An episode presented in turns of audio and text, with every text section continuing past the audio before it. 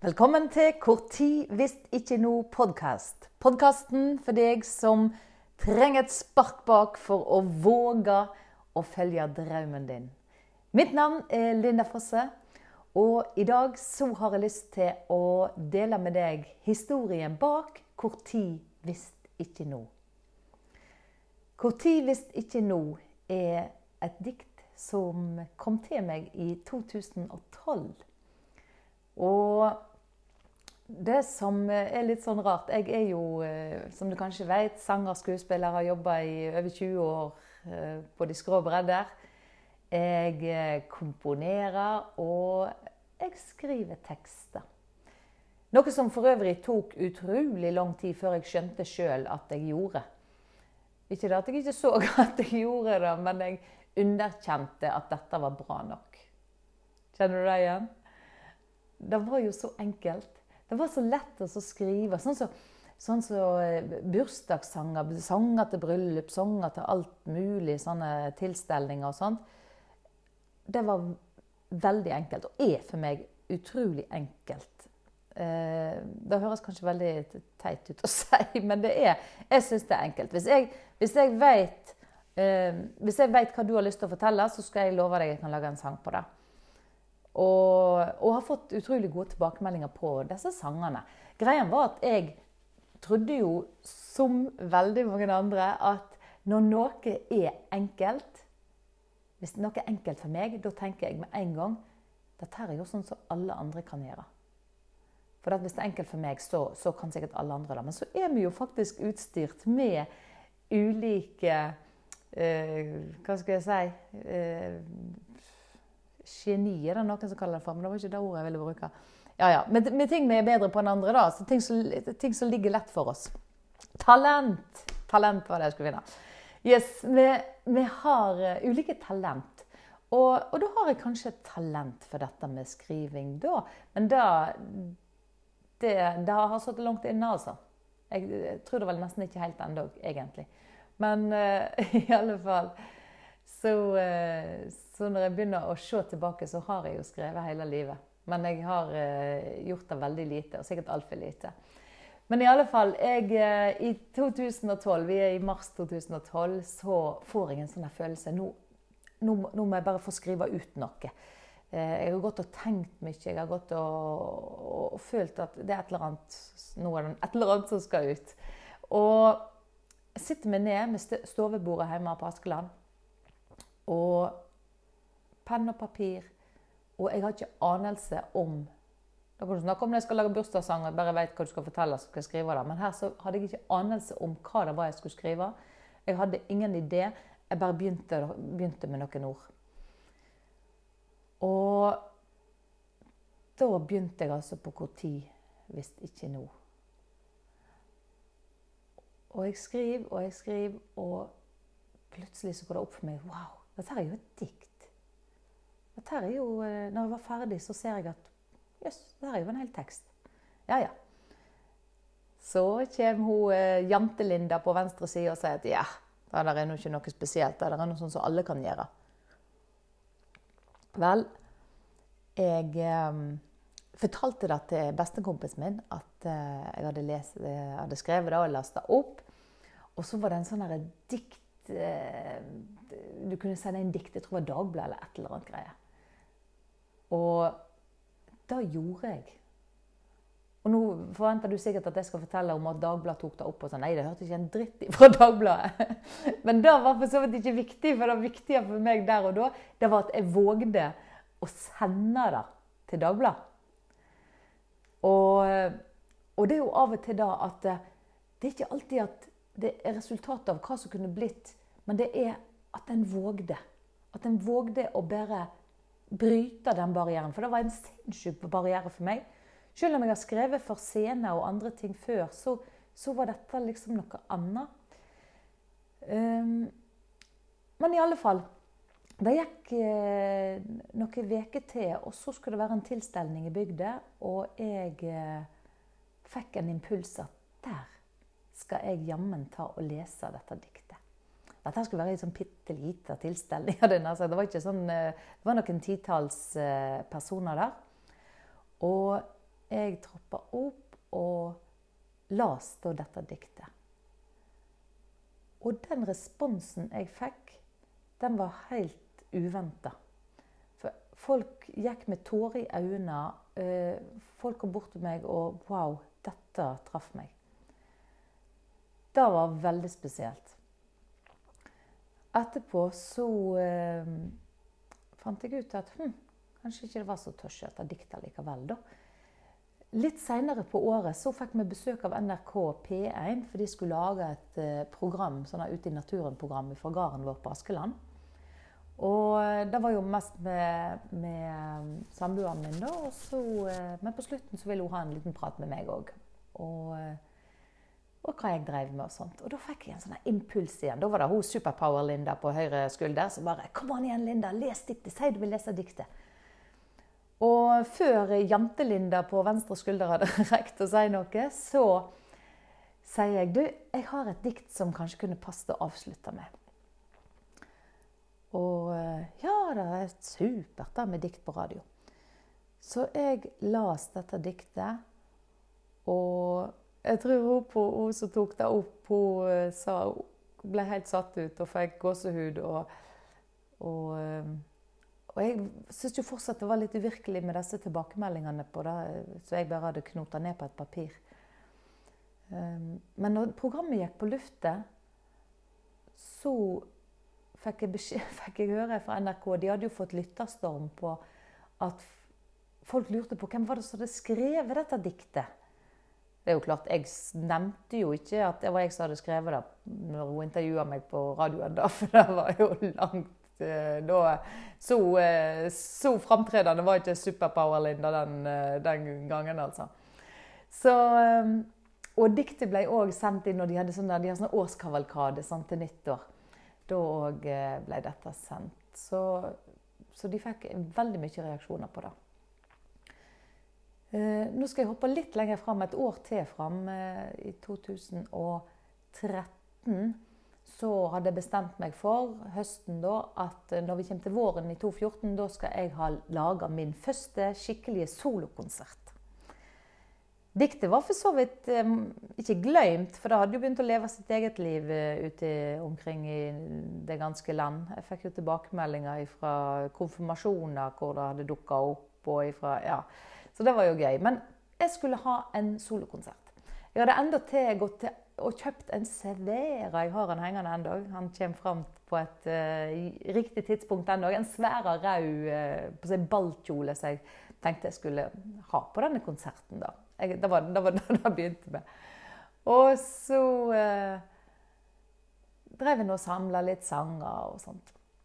Jeg sendte òg Superpower-Linda. Hun hadde en, en, veldig god dag den høsten der. Og impulsivt fikk meg til å sende e-post til det norske Nei, ikke til Det Norske Teatret, men til Den Nasjonale Scene.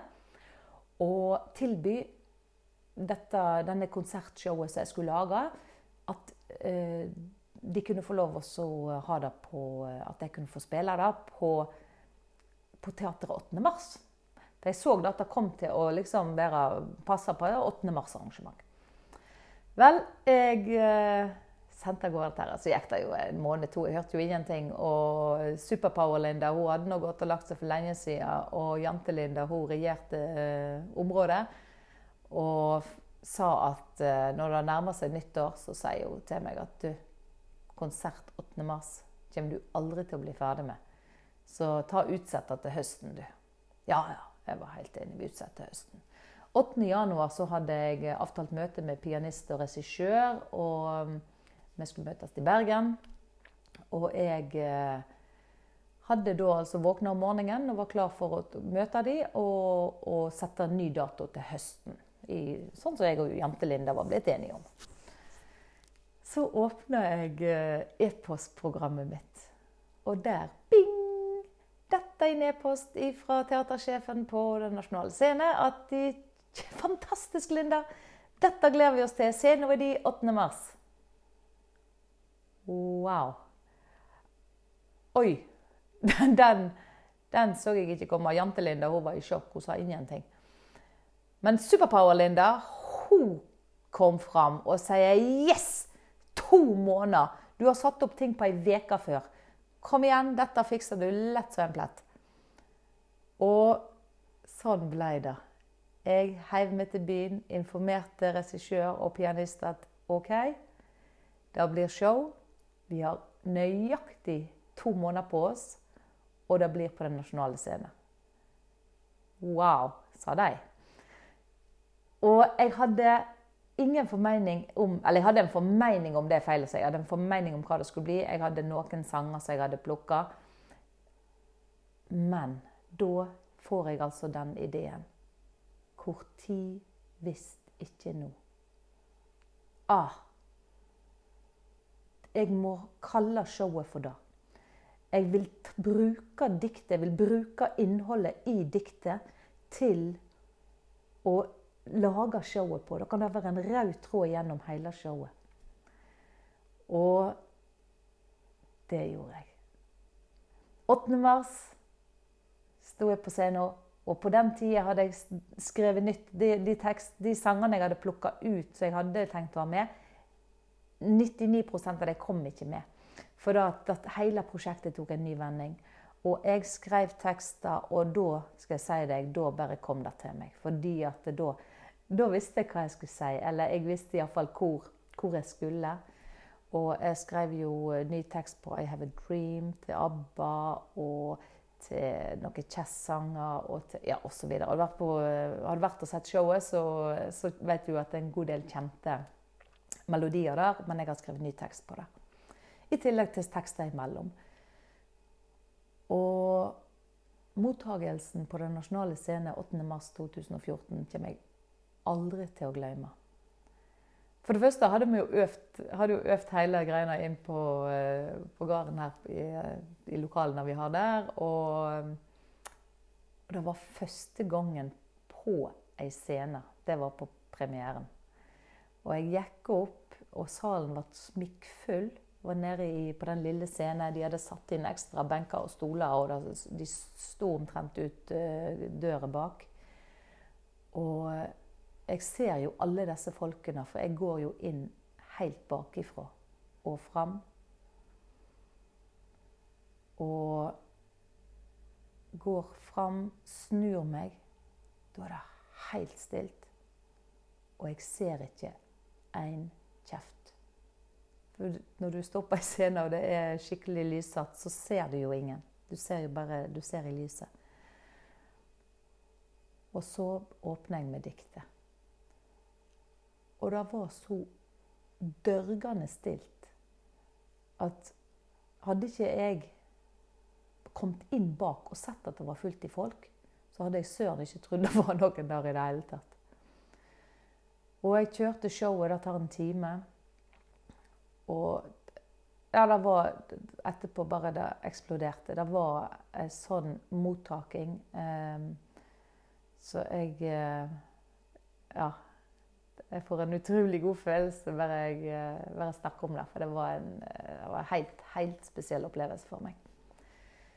I alle fall, det var 2014. Så eh, Året etterpå så, eller så, så, har jeg vært ute på turné med det. Året etterpå leide jeg Ole Bull scene og hadde det der.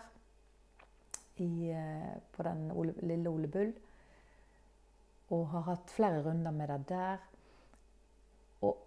Overalt så er tilbakemeldingene det samme. Wow, dette traff meg. Og folk kommer med tårer i øynene. Dette var Ja. Og da er det at det betyr noe for meg at om jeg, om jeg Ja. Altså da at du har utgjort en forskjell.